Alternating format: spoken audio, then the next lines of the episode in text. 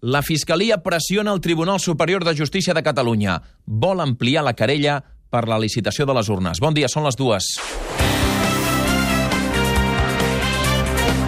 Catalunya migdia. Amb Òscar Fernández.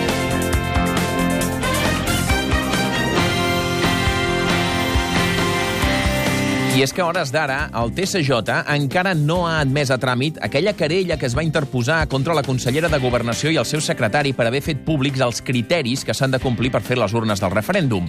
El que fa avui la Fiscalia és pressionar el TSJ, no només perquè admeti a tràmit aquella querella, sinó també li demana que ampliï els arguments per considerar que aquestes accions, fer públics uns criteris per fer unes urnes, són delictives. Aquests arguments que, segons la Fiscalia, deixen més clar que es cometen delictes són que el referèndum avança, que s'ha fet pública una data, una pregunta i que ja se saben els noms de les empreses que possiblement faran les urnes. Es tracta, doncs, d'una pressió inusual que no deixa de posar el focus sobre el fet que el TSJ, el Tribunal Superior de Justícia de Catalunya, encara no ha admès a tràmit la querella per licitar les urnes. Potser hores d'ara encara no hi troba prou indicis de delicte. Veurem si després d'aquesta pressió de la Fiscalia canvia o no d'opinió o si va més ràpid. Relacionat encara amb el referèndum, avui al matí de Catalunya Ràdio hem sentit els sindicats dels fi de als funcionaris, demanant que el govern expliqui com pensen protegir-los en la celebració del referèndum. Sentint els representants de comissions obreres i de la CECIF, Joan Maria Santís i Joan Escanilla. Que ens concreti el com. Perquè, clar, mm, Mònica, entendràs que només dient que no pateixi ningú, mentre altres diuen que vagin al tanto, no, ser, no ens serveix absolutament per res. Totalment d'acord, el que volem, doncs això, la seguretat jurídica pels funcionaris i la tranquil·litat. Perquè, clar, et diuen, com diuen Carles, et diuen tranquils que els funcionaris no patiran. Això ja ho fa patir. D'on li ha vingut un revés judicial a l'estat espanyol és del Tribunal Europeu de Drets Humans, a Estrasburg. Ha tombat la inhabilitació de l'expresident del Parlament basc, Juan María Atutxa, i de la mesa de la cambra. L'any 2008 es van negar a dissoldre el grup socialista Verzaleac, un cop la llei de partits havia dissolt Batasuna. L'alt Tribunal Europeu considera que Atutxa no es va poder defensar ni la justícia va escoltar els seus punts de vista. A Brussel·les, Albert Elfa, bon dia. Bon dia. La sentència del Tribunal de Drets Humans diu que els tribunals espanyols van condemnar Juan María Tutxa, Gorka Kenner i Conchi Bilbao sense haver-los escoltat de forma directa. Això va suposar una vulneració del dret dels demandants a un judici just i amb totes les garanties, com reconeix la Convenció de Drets Humans. A tots tres, la justícia espanyola els havia condemnat per negar-se a dissoldre el grup parlamentari socialista Versaleac, que s'havia creat després d'haver il·legalitzat Batasuna Osasuna l'any 2003. I mentrestant, a Madrid, avui és dia de moció de censura al Congrés. La presenta Podem. No té cap possibilitat de tirar endavant, però ha servit perquè avui al Congrés es parli i molt de la corrupció al voltant del Partit Popular. Eh, pendent d'aquesta moció, hem tingut a Madrid la Queta Carmany, de fet encara hi és pendent, de que ara està parlant Pablo Iglesias. Queta, bon dia. Bon dia, sí. Segons Podem, la corrupció té nom i cognom, Mariano Rajoy, i seu física, la del PP. La número 2 del partit, Irene Montero, ha estat molt dura en les seves acusacions, cosa que després ha reiterat Pablo Iglesias i que ha negat Mariano Rajoy en un intent de desqualificar aquesta moció de censura. La corrupció tiene sede, señorías. Génova 13. No les pido nada, les pido solamente que se marchen. Márchense, señores del PP. Su anunciado fracaso es la mejor noticia para España. España gana y ustedes pierden. I avui 32.000 estudiants de secundària han començat els exàmens de la selectivitat. Avui, exàmens de castellà i català. Al campus de l'UPF de Barcelona i hem tingut pendent d'aquestes proves la Montse Poblet. Montse, que és el, més ha cridat, el que més ha cridat l'atenció als exàmens d'avui?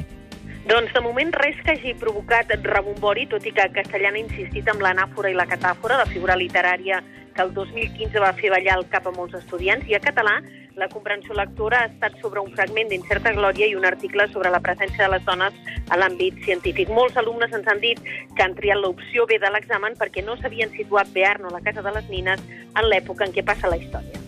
També passarem avui per les comarques de Girona perquè allà s'hi ha destapat una polèmica al voltant de les banderes blaves a les platges. Diversos municipis que han perdut aquesta bandera denuncien que l'entitat que les atorga no és del tot rigorosa. Anem a Girona, Fèlix Martín, els ajuntaments es queixen i els que concedeixen la bandera, en canvi, es defensen. Exactament. L'Ajuntament de Begur ja diu a aquesta emissora que no s'hi tornarà a presentar, com fan, per exemple, a Roses o l'Escala. Acusen l'associació que organitza de fer pocs controls i moure's per interessos publicitaris i econòmics. Lògicament, des d'aquesta entitat ho neguen. I a Tarragona avui és notícia la vaga del personal de les empreses auxiliars de les centrals nuclears. Reclamen estabilitat laboral. Tarragona, Manel Sast, en principi la vaga no afecta el subministrament elèctric ni la seguretat de les centrals. No, en principi l'acció no té efecte sobre la producció elèctrica, però això sí, pot endarrerir les feines de recàrrega que s'estan fent a la central nuclear Escó 1. El seguiment ha estat del 100% segons els sindicats. I de la cultura estem en setmana de Sonar i un dels protagonistes destacats torna a ser el productor i artista visual Brian Eno. They're artists that I respect, both of them, obviously. And I suppose Avui s'inaugura una exposició sobre la seva feina que ocupa tot l'art Santa Mònica. L'exposició coincideix amb les de Bjork, al CCCB, i la de Bowie, al Museu del Disseny. Brian Eno explica aquí que aquesta classe d'artistes han portat el pop a un altre grau. De seguida, amb el Blai Mercè, repassem aquesta exposició. Ja hem passat per Tarragona i per Girona, que és el més destacat del, del dia a Lleida, Noelia Caselles. L'alerta per l'increment de motoristes morts en el que portem d'any a les carreteres de Lleida n'han mort 5, gairebé tants com en tot l'any passat. A nivell català, la xifra també és alarmant. S'han duplicat els accidents mortals de motoristes respecte a l'any passat. I a Barcelona, Quim Balaguer? Les morts per sobredosi d'heroïna a Barcelona s'han reduït a més de la meitat en els últims 15 anys. L'any 2000 van morir per aquesta causa 101 persones a la capital catalana i el 2015, 42.